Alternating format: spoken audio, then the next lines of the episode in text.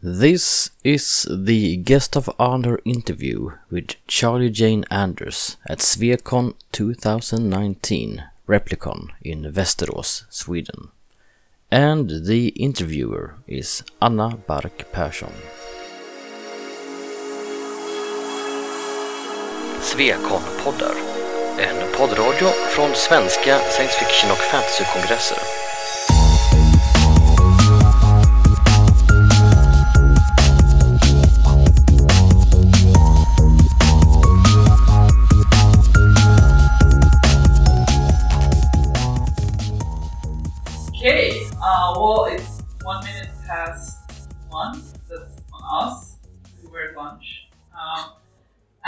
So I'm gonna I'm gonna start off this this guest of honor interview. Uh, my name is Anna Bark and I will be interviewing Charlie Jane Anders.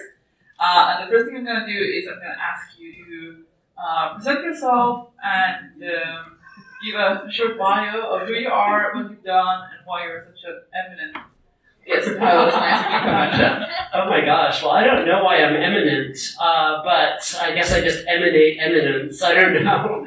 Uh, but uh, I'm Charlie Jane Anders, um, and I have published a couple of novels in the last few years. Uh, my most recent novel is The City in the Middle of the Night, uh, which is about a girl who gets banished into eternal darkness and survives by learning to communicate with the creatures who live there in the dark. And uh, before that, I published a novel called All the Birds in the Sky, uh, which is about a mad scientist and a witch. Um, I used to work on a website called IO9 that was edited by Annalie Newitz. Uh, and Annalie and I also now co host a podcast called Our Opinions Are Correct, where we kind of geek out about the meaning of science fiction and, you know, in politics and society and, and science. And, um, you know, basically, I started out in journalism. Uh, I've worked for a bunch of different places as a journalist. I've written a lot about pop culture, but also other stuff. And, uh, but I always kind of wanted to be a fiction writer and have been publishing fiction kind of here and there for like the last almost 20 years. And I've been kind of trying to scratch at the door. And so I'm, I'm glad that I finally kind of scratched my way through the door into being a fiction writer. Um, so that's, that's kind of my life story ish. So you are a very uh, prolific person. You do a lot of things. Uh, as you said, you're not only a writer, but also a blogger, you have a podcast, and you've written both of novels, short stories, and won some amazing awards for it. Um, you do stuff both inside and outside of the, of the genre. Uh, so how like do you balance these things and how do they influence each other? Do they influence each other? And so, how? Yeah, I mean, I think that the balance of different things that I'm doing has kind of shifted over time.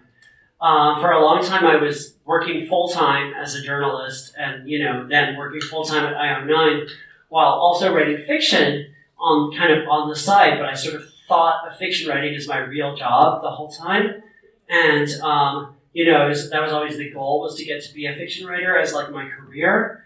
Uh, but I think it's it's interesting to kind of balance criticism and journalism with fiction writing uh, because you know it's sort of nonfiction and fiction, but it's also two different ways of kind of thinking about a lot of the same issues.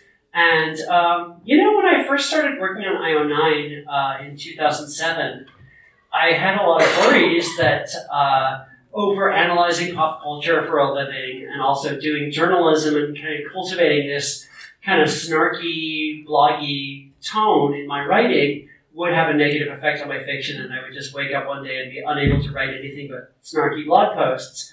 And I actually found the opposite to be true. I found that it was actually really nice to be able to kind of go back and forth, and that, you know, um, if anything, the writing snarky, bloggy articles on IO9 kind of made my fiction writing less kind of reflexively snarky and kind of like quippy and more kind of I, I kind of cultivated a different kind of voice in my writing. And getting paid to geek out about pop culture getting paid to kind of like think about what makes a story work or not work in writing movie criticism and book criticism and, and tv criticism and thinking about like well why didn't why was this movie not really successful on its own terms according to me uh, why, you know, what's what's great about this show, what's not so great about this show, what you know, what makes something work or not work. It was I, I used to say that it was like I was getting paid to go to grad school, kind of. And I was getting paid to kind of just like think about stories a lot and talk to creators a lot. I interview creators all the time. I got to kind of think about like different people and how their work was approaching these issues. And I got to write lots of thinky essays. And I think it just kind of came back in my own fiction inevitably because the more I would think about like, well, I've seen a hundred different variations of this idea in different stories and like here's where it works or here's where it doesn't work. It kind of inevitably fed back into my own writing and kind of made me think about what I was doing in a different way. I feel like there's a lot of stuff that I do now that I probably would never have been able to, uh, you know, get to the place I'm at now with the stories I'm writing if I hadn't had all that experience of like writing criticism and journalism and also having back and forth in the comments with all our commenters who would be like, what about this? What about this? Uh, so it just, it just kind of gave me a, a different viewpoint on a lot of stuff. And I, I feel like it actually was much more synergistic than I expected. But at the same time, uh, when I left IO9 and kind of went off on my own and started just writing novels for a living and being a fiction writer as my job full time, I found that it was actually nice to be doing less criticism and less kind of, you know, standing outside of being a creator and, and kind of, you know, being on the sidelines throwing stuff at creators and more being in, you know, being identified more as a creator and less as like someone who talks to creators and, and examines their work. And I felt like it was actually it was a nice evolution because it, it kind of claiming that identity as like, no, I'm I'm much more identified as a creator and less as a critic slash journalist. Just I don't know, it, it it, it felt necessary the more I was kind of being a public publicly known as a writer of fiction uh, because it's harder once you're putting more stuff out there. Once you're publishing books that everybody else is going to criticize, it's harder to, to then turn around and, and criticize other people's stuff because it just your relationship to criticism is different. I guess like now I've got two novels out and there's been a million reviews of them, and I I have more of a higher awareness of being on that side of it, of being the recipient of criticism, and so it's harder to it's a little harder to turn around and be critical uh, in that same way that I used to be. I think it's just you know your relationship to these things changes over time. I think that was a long-winded answer. I'm sorry. Uh, so, uh, turning the to your fiction, uh, your uh, novel "The Birds in the Sky" was not sort of the first uh, piece of fiction you published, but in many ways it was sort of like a breakout um, fiction story, and I think that for most Swedish fans at least, it was sort of the one where some people uh, picked up on your work and started sort of reading it and sort of realizing who you were and what you were doing. Uh, so can you sort of talk a little, tell us a bit more about uh, that novel and, and sort of what it is about and how it came about? Yeah, so um, you know, I mean, all the birds in the sky sort of started out as just this idea of what if there was like a witch and a mad scientist and they were in the same story, and it's like one belong one of them belongs to like a fantasy world, one of them belongs to a a science fiction world and you know how do they coexist in, in, a, in a version of our reality. And you know it was something that i was actually working on a different novel and i just had this idea for this a witch and a mad scientist you know and them in the same story together and i just got really excited about that and i had to kind of write down a bunch of stuff about that before i could go back to the other novel i was writing which ne- ended up never being published. And um, i think i mean i started out thinking of it as kind of a just a genre mashup and like just kind of a funny pastiche thing of like you know Harry Potter or you know um, Tiffany Aching, who's the witch from like the Terry Pratchett novels, or some other witch character, you know, and like some sci-fi mad scientist character, and like them like you know having magic wand versus ray gun, and like you know flying carpet versus flying saucer or whatever, you know, and just like all this like I can have all this stuff. I can have dragons and aliens and like you know space stations and spaceships and like magical castles and wizards and spell books and like you know everything. And I was just going to throw in the, basically the, the kitchen sink into this novel and just have it be as silly and weird and goofy as possible. And I tried writing it like that, and it was super boring. It was really boring because once you have everything, it just all turns kind of turns into just goop. It turns into like this bland mush. And like what I discovered was that you know what makes all these things interesting the dragons and the aliens and the magic and the, the, the supercomputers and the ray guns and all that stuff what makes it interesting is the world that it's connected to and the kind of context that it's in. And you know if you don't have at least some ability to take those things seriously as part of a, a setting they're not interesting and, and kind of less is more that kind of stuff. And so the kind of like i'm just going to throw in every genre thing that that didn't last very long. And I kind of I started to think of it more as a relationship story. And actually, like kind of my breakout story in a way, the story that kind of first put me on the map, uh, was this short story called Six Months, Three Days, which was about uh, two different people who see the future differently. Um, and one of them, it's a dude who sees like a fixed, un, you know, unchangeable future, and a, and a woman who sees many possible futures, and she can choose among them. And so, you know, in that story, people really liked it. You know, that was very much a relationship story about two different people who have come from different perspectives. And, you know, like a lot of romance is about, you know, bringing together two people who have some kind of conflict or some kind of like divergent viewpoint and like seeing how they do or don't, you know, work together.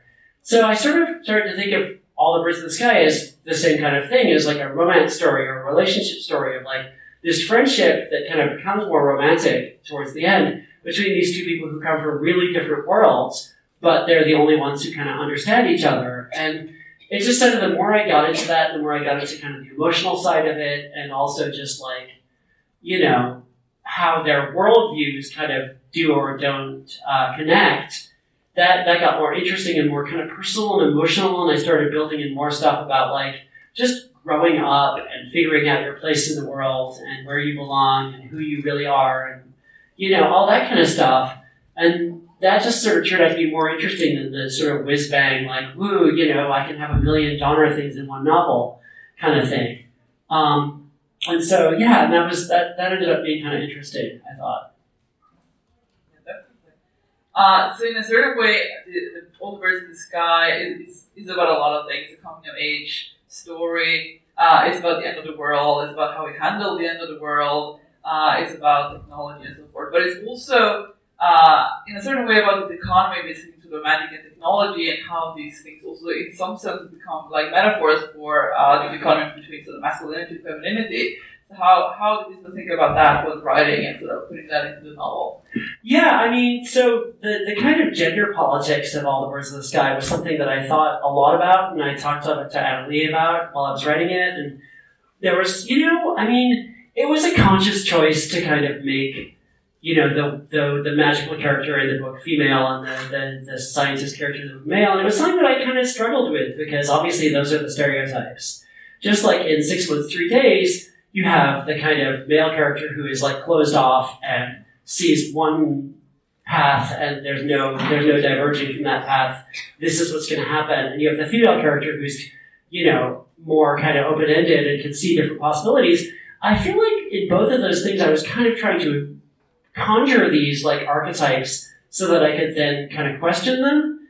And you know, I don't know if I would do it that way now. I feel like my perspective has shifted a lot in the last like five years, but it was something I was interested in at the time was like kind of taking these archetypes and kind of problematizing them and um, kind of thinking about them. And I felt like I wanted to have the archetypes, like part of the point of that book was to put the archetypes together, like the kind of Tiffany Aching kind of, you know, Sabrina the teenage witch character and the kind of like Jimmy Neutron Boy Genius character or whatever, you know, whatever you want to call it, and put them in a story together and just see how they work uh, but then kind of complicated it. And so the more I worked on that book, the more I tried to kind of push against it in different ways. Like, for example, uh, if you read All the Birds of the Sky, Lawrence cries a lot. He cries on like every other page. And Patricia cries, I think, exactly once in that book. And Patricia is actually, in some ways, a more stereotypically masculine character than, than Lawrence. Lawrence is very feminized in a lot of ways. And I also was very careful to surround Patricia with male witches and to surround Lawrence with female scientists and technologists because I did not want anybody to come away from the book with the idea that like all the witches are ladies and all the scientists and technologists are, are dudes. That was the last thing I wanted, and, and there's also a non-binary witch, of course. That was the last thing I wanted anybody to come away from the book thinking. But it was, you know, the, I wanted to kind of have this. Uh, I wanted to kind of, like I said, conjure these archetypes of like the male technology and the female nature, and then mix them up and kind of screw with them as much as I could, so that by the end of the book, you kind of don't see them as like.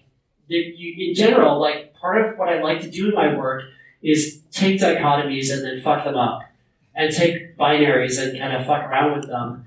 And so um, I was really trying to, in that book to kind of like to to take the nature science dichotomy and kind of like smush it and kind of screw around with it. I also something that I was thinking about at the time was if you have a, a scientist character and a witch character, there's inevitably going to be moments where the witch character says to the scientist character, "This is beyond your comprehension in some way." That like you know this can't be explained by science. This can't be understood according to all of your empirical you know sciencey rules. And if it's if it's if it's flipped, if it's a female, if it's a male character telling a female character, you can't understand my this is beyond your comprehension. That feels kind of gross to me. But if it's a, at, at the time at least, I felt like a female character telling a male character this is beyond your comprehension felt like more almost liberating. So, but I don't know. It was mostly the thing I said before about trying to conjure these archetypes and then kind of problematize them. Uh, speaking of the binaries and dichotomies, your most recent novel is also very much a, a, a novel about dichotomies because it's set in a world which is very dichotomous. Yeah. Uh, the city in the middle of the night, so it takes place. There, there are two cities who uh, have very different relationships to this world, which is a sort of title of planet, which has one dark side and one light side. Um, and, and, this is also a very much a sort of extreme, like far future science fiction novel. Uh, also, if sort of the, all the birds in the sky sort of recalls sort of like Harry Potter and also the mad scientist and these stories this sort of recalls a lot of sort of typical sort of golden science elements. Uh, so can you tell us a bit about about that book and how that came about, and what sort of uh, what sort of changed between writing these two uh, novels? Yeah. Um, so I mean, as you you totally put your finger on it. Um, part of what attracted me to writing The City in the Middle of the Night was that it was another kind of dichotomy that I could mess around with, and another kind of like people stuck between two extremes, except that instead of science and magic, it's day and night. And it's a, so for those of you who maybe don't know, a tidally locked planet is a planet where there's a permanent day side and a permanent night side. And just like the moon always has one side facing the earth, and we have the quote unquote dark side of the moon that we never, that never faces towards us, uh, a tidally locked planet always faces its sun in one direction. And um, astronomers have basically concluded that, you know, planets that are in the habitable zone of their star that humans could eventually colonize outside of our solar system are overwhelmingly likely to be tidally locked. Like most of the planets that we could colonize outside of our solar system are like that. They have a day side and a night side. And there's no tidally locked planets in our solar system because it's a long, it's a complicated explanation, but we have a different kind of sun. Um, but most of the suns in our part of the galaxy are red dwarfs. And the planets that are in the habitable zone are, are inevitably tidally locked. So anyway, um, so I was really fascinated by this because I was like, this is a possible, real possible future for humanity, is that we could colonize a planet like that, but also the metaphor of like living in a place where day and night are places instead of times. Like, I just got obsessed with that. I was like, what would it be like to be like, oh yeah, the night that's over there, the day is over there. Um, you can walk from one to the other. Like I originally thought of having the novel start with like I walked from day to night and then back to night again, and like you know what would that be like to have those be places and to have it just like always know that there's just darkness over here, like that you can walk to. That is over that way. There's like and never-ending darkness, and over here there's like blazing, you know, unbearable sunlight. Um, I just I thought that was such an interesting metaphor uh, for a bunch of stuff. And over time, the book kind of turned into a bunch of other things. Like it kind of moved it. It kind of it never moved away from that, but it kind of developed in a lot of other directions. but I was really careful in the book to uh, make sure that I never use the words day, night, today, yesterday, tomorrow, minute, second, hour. Those those words do not appear in the book except that day and night are places. And the copy editor, poor the poor copy editor, had to go through and like make sure that I didn't accidentally use any of those terms, which I think I did once or twice. Because I wanted the entire book to have no Earth words for time in it at all. Um, but yeah, it, it sort of it was it was something that you know I had this idea of what if you know there are creatures living on the night side of the planet. They live in permanent endless darkness. And um, they um, and you know we think that they're just animals because we've never learned to communicate with them and this one character figures out how to talk to them and makes friends with them and um, becomes, you know, kind of learns about their society. And that was kind of where the novel started. And it took me, honestly, like a couple of years from that starting to actually figuring out what the story was and what the characters were. It was a lot of just like poking at it to figure out what that was. It was the most frustrating process I've ever had writing a novel, which is saying something. Um, but it was like, it was just, I couldn't stop thinking about those images of like the, the kind of the, the, the living in a city where there's a date, there's the dark side of, of town and the light side of town. I don't know. It's just something I really loved. Yeah, it makes for a very uh, an amazing setting. Uh, and, and, what is interesting about it is also the fact that this uh, setting is, is, extremely binary, but when it comes to the characters that inhabit this world, they are rather extremely morally ambiguous. Can you little more about that? Yeah, and like so unlike all the birds in the sky, the city in the middle of the night pretty much only has female characters. And um, you know, I kind of wanted to write a book like the books that I read when I was, you know, starting out that were full of complicated female characters who had complicated relationships with each other, who do terrible things, who screw up, who are just kind of like selfish and short-sighted and make tons of mistakes like books like you know I don't know Vanity Fair was a big influence on this book, and like all of old those old Doris Lessing books, and like Elizabeth Gaskell, and like all that kind of stuff. 19th century books, but also 20th century books about like complicated women who screw each other over, over and over again, but they have some kind of relationship.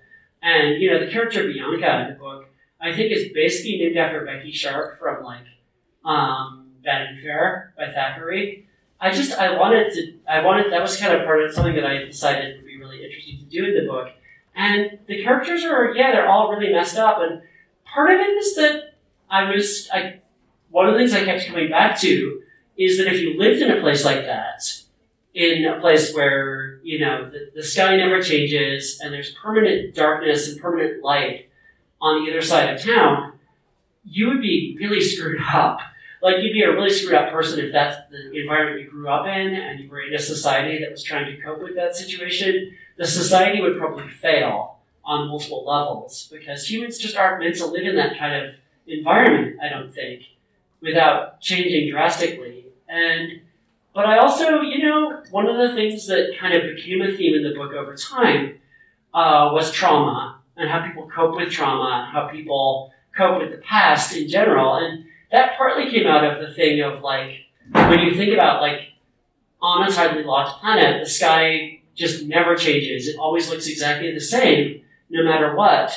Um, and you know, you don't have that thing of being able to look up and see the sun moving around, and you know, your sense of the passage of time is going to be really different. You're not going to have as much of a sense of like how recently things happened, or you know, as much of a sense of like the recent past versus the distant past. And so that kind of fed into this thing that kept coming up in the book of like how people deal with things that have happened to them and how people how we process our pasts or how we repress stuff that's happened to us. And that kind of became a major part of why these characters are so messed up and complicated and selfish and and kind of uh, you know problematic in various ways. Uh, so if you sort of look at, at these two novels beside each other. All the Birds in the Sky is, a, is very much a, a near future uh, novel, while uh, The City in the Middle of Night is, is, is a far future novel, it's an extreme far future novel. Uh, and so, how different were they to write this aspect? How did you approach writing these different futures and how do you think that there's a difference between how we relate to these different kinds of, near versus far future uh, in, in science fiction, how we handle these themes, and how, how, sort of, uh, how you as an author uh, write these things? Yeah, I mean, so um, it's really interesting because I think that, you know, there was a meme going around about 10 years ago that you can't really write your future science fiction anymore because things are changing so fast and any future you, any near future you come up with is going to be obsolete. And I think part of me was just like, well, screw you, I'm going to do it anyway. And like, I was kind of having a moment of being a little bit rebellious when I decided to make the book Near Future. And it does kind of bite you in the ass a little bit when you do that. For example, um, I mean, in, in All the Birds in the Sky, one of the things that happens, minor spoiler, is uh, that about two thirds of the way through, there's a giant storm that strikes the East Coast and like destroys, kind of destroys Washington D.C. and New York, and so the U.S. is kind of thrown into chaos. And um, while I was writing it, I was thinking, oh my God, nobody's going to believe that this could really happen. Nobody's going to believe that this is possible. It's going to seem too unrealistic. And I talked to climate experts and you know. Uh, meteorologists about how this storm could happen, and they gave me some pointers. But I was still like, oh, nobody's going to believe in this. And then, while I was still writing the book, uh, Hurricane Sandy hit New York and really, you know, it didn't destroy New York, but it was really intense and it really screwed everything up. And I went from being like, nobody's going to believe that this is possible to everybody's think everybody's going to think I just stole this from Hurricane Sandy. And like, everybody's going to think I just like, was like, oh, I'll just use that in my book. And, you know, um, and I feel like that happens a lot when you're writing about near future settings. Near future settings, events will always catch up to what you're writing, and you know, in many cases, by the time the story is published, something you were like, in the future, this could happen. It's already happened, and you're like, well, screw it. You know, I totally, I predicted something that happened five minutes ago. Okay, great. You know, and that's happened to me before a few times, and it's it's really annoying when that happens. Um, on the other hand, I really like one of the things that's a big deal in the, all the birds in the sky is uh, that you have these devices called caddies, which are basically like smartphones on steroids. They're kind of like they're like smartphones that are what I wish smartphones were like. And part of the way that they're different from smartphones, again, minor spoiler, is that a caddy actually kind of helps bring people together in ways that I feel like smartphones actually kind of make people more isolated a little bit. um, and smartphones actually kind of are designed to facilitate human connection in various ways. And it's a little bit creepy, but it's also kind of amazing.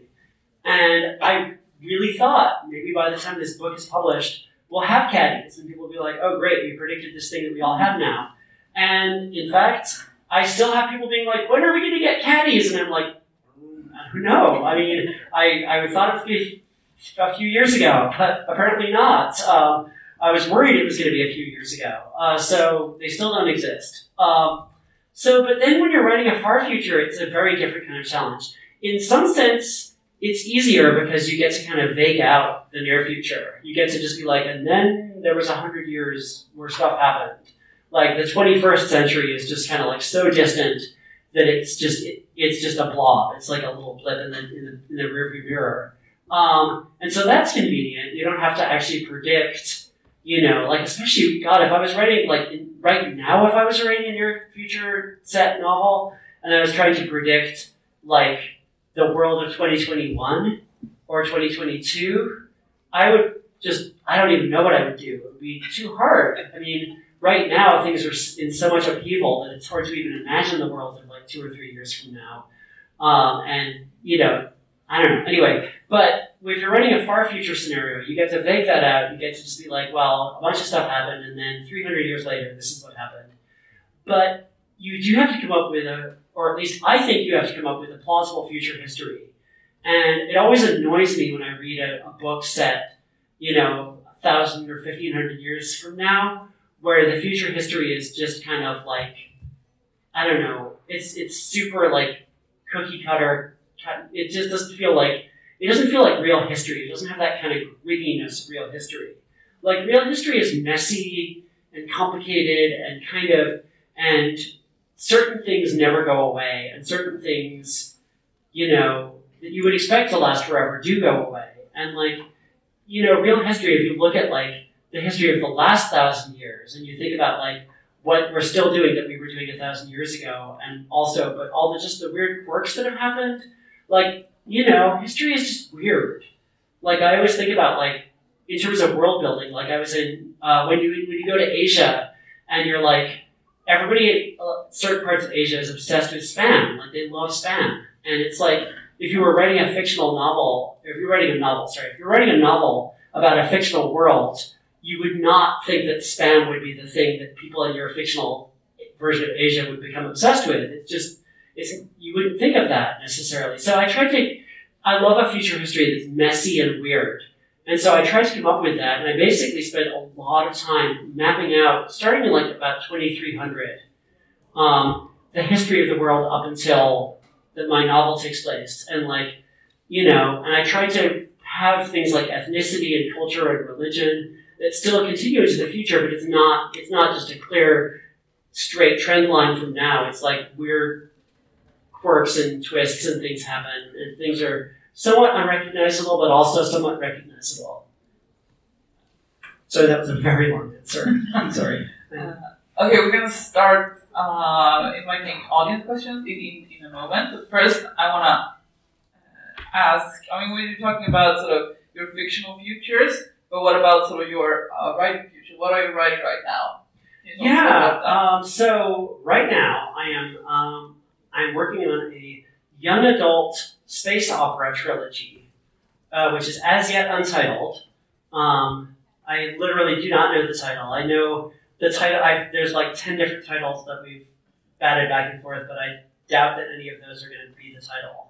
So, uh, but it's a space opera trilogy. It's about a teenage girl who kind of, you know, finds out that she's connected to a, a legacy and that there's she's connected to this war that's been going on in space. And she and some other kids from earth go off into space and have an adventure.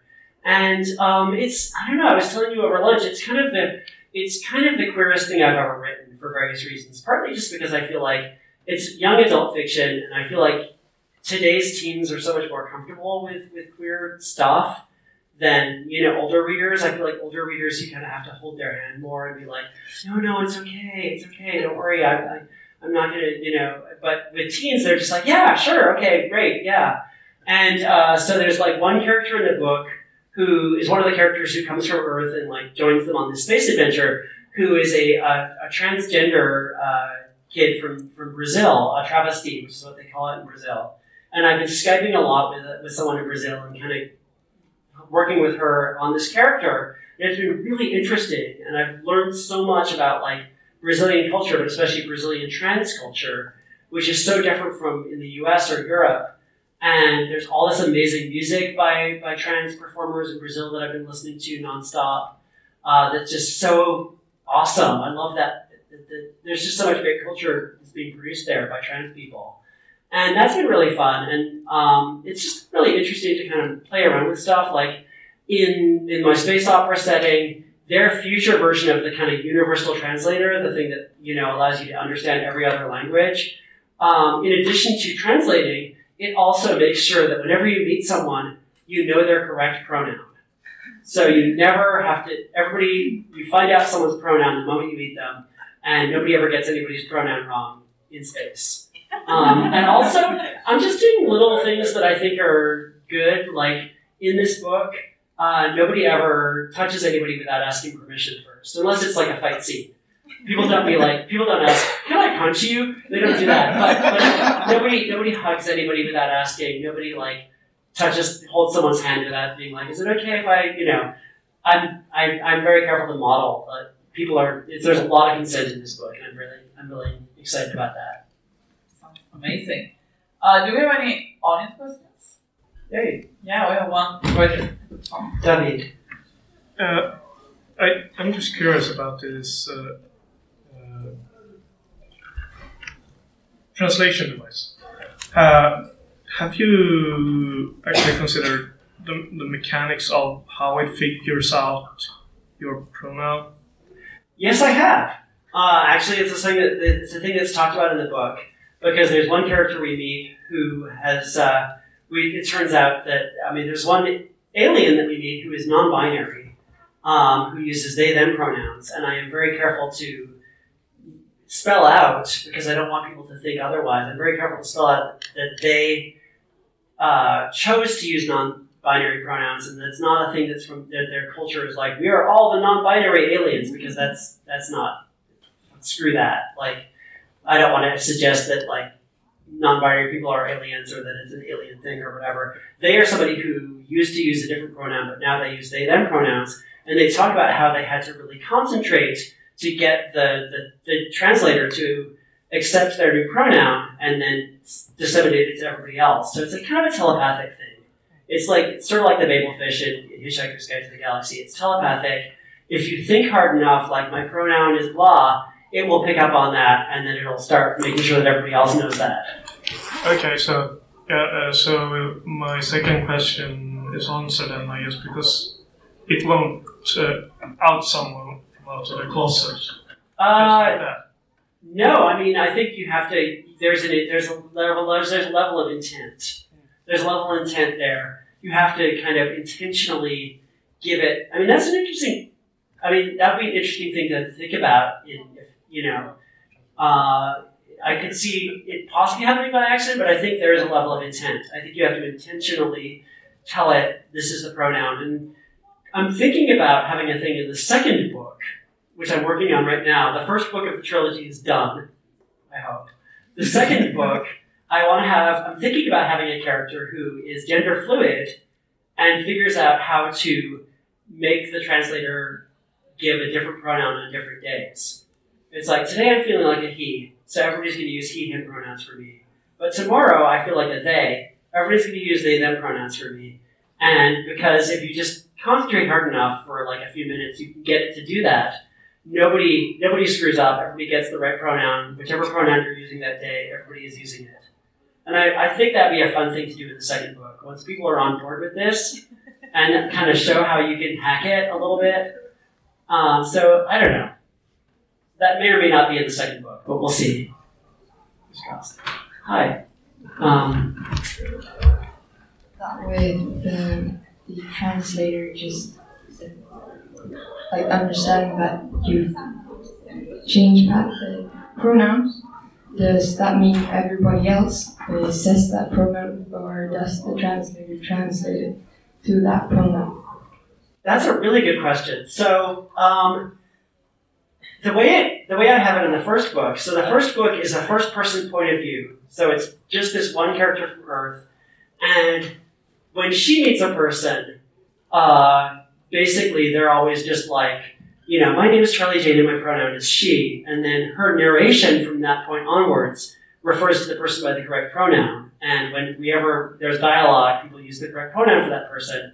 So we know that this main character has understood that this person's pronoun is whatever they've been told it is. And later in the book, we find out that that's not true for everybody. That some people don't hear the pronoun being spoken; they just somehow understand what the pronoun is. But I think either way, the translator makes sure that everybody who you interact with knows your pronoun. Um, so it is something that's like fed to anybody who's you know who meets you, who is introduced to you, one way or the other, either verbally or non-verbally, depending on the language, depending on whatever you get that person's pronoun in your head. Um, but it also is probably true that the translator will not let you hear your incorrect pronoun being spoken with. Like, I don't know, if somebody came up to you and deliberately used the wrong pronoun for you, maybe the translator would just be like, nah, I'm just going to fix that before you hear it. like, that might actually happen. That's a really interesting point because the translator might be like, no, that was a mistake. I'm going to fix that mistake in syntax. I don't know. That was a really good question. Thanks. Nina. Uh, my question was just answered because it was uh, uh, if you wanted. If you wanted to misgender someone. Yeah, if you deliberately wanted to use the wrong pronoun, if that is possible, or, um, or if the translator would stop you. Yeah, I'm going to say no. I'm going to say the translator would stop you. Because I think that, I mean, it's an interesting question, and I probably will never, in the books, definitively answer that, but I think that there's there's a lot about this space opera world that not utopian, that is dark and dark. and, and scary and violent, but there are certain aspects of it that are utopian. And one of those aspects is that nobody ever gets misgendered. And so that's something that I think is, is important. So I think I'm going to say no, that you can't misgender somebody intentionally.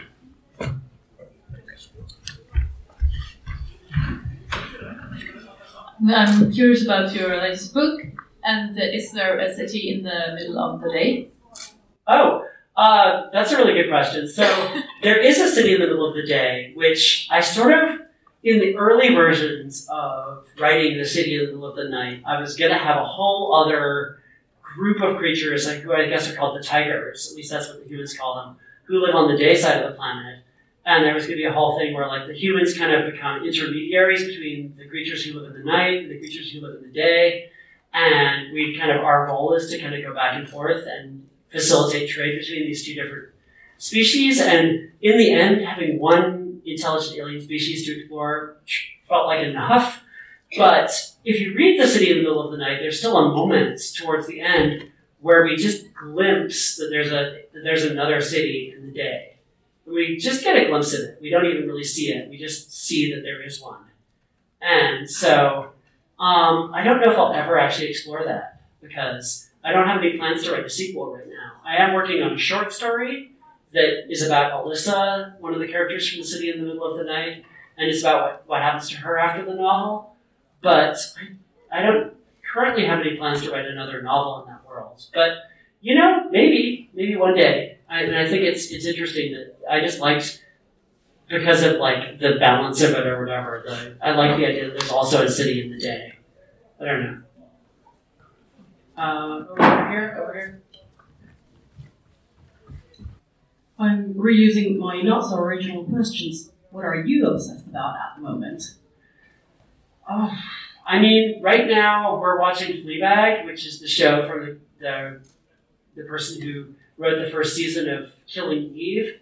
And Fleabag is amazing. I'm obsessed with She-Ra. I'm also, uh, the, the novel I'm reading right now, which I'm really obsessed with, is Seraphina by Rachel Hartman, which is a YA about a half dragon, half human girl who lives in a world where dragons and humans have kind of had, have an uneasy peace. And she's trying to kind of like bridge the gap between the dragon society and the human society. And it's so good. It's so amazing. I love it. I think we have, sorry, I think we have time for one more question. So, do you have a question? Uh, not a super important, but I, I'm, I'm just so fascinated by this translated thing. Okay. hey. Uh, what? Uh, uh, so here another scenario. What what what, what happens uh, if there's a person like that's super pragmatic Uh huh. and just doesn't care about pronouns? That's a really good question. I mean, there are people in the real world who are like, "My, I will accept any pronoun." Um, I don't know what would happen in that scenario. I mean, I'll have to think about that because maybe in the second or third book, I can have a character who's like, "My pronoun is whatever you want." Um, but you know, I mean, I think that that's a really good question. I'm gonna have to think about that. I do have some like, um, as as we discussed on the panel earlier today, I do have some unusual pronouns in the book. Like, there's one character we meet whose pronouns are way wham. Um, there's all way wham where. Um, there's also a character who was in the first book, but now is going to be in the second book, whose pronoun is fire, and they're a fire-breathing alien, and that's their pronoun is fire, and fire likes to be addressed likes fire as their fire as fire's pronoun. Um, and that's I think that's going to be really fun. In fact, fire is going to have a much bigger role as fire is in the second book, whereas fire was just a character we met briefly in the first book originally. So that's going to be good. But I, I don't know if someone was just like any pronoun. Um, yeah, I'd have to think about that. I don't know. That's a really good question. Thank you. Cool. And I think we're out of time now. I want to say thank you so much. Yeah, thanks so much for being here. think we're awesome. You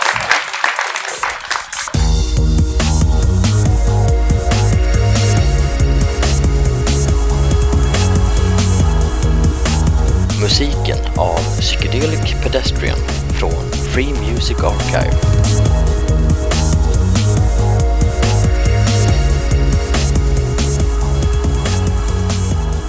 Besök gärna vår hemsida på svekonpoddar.se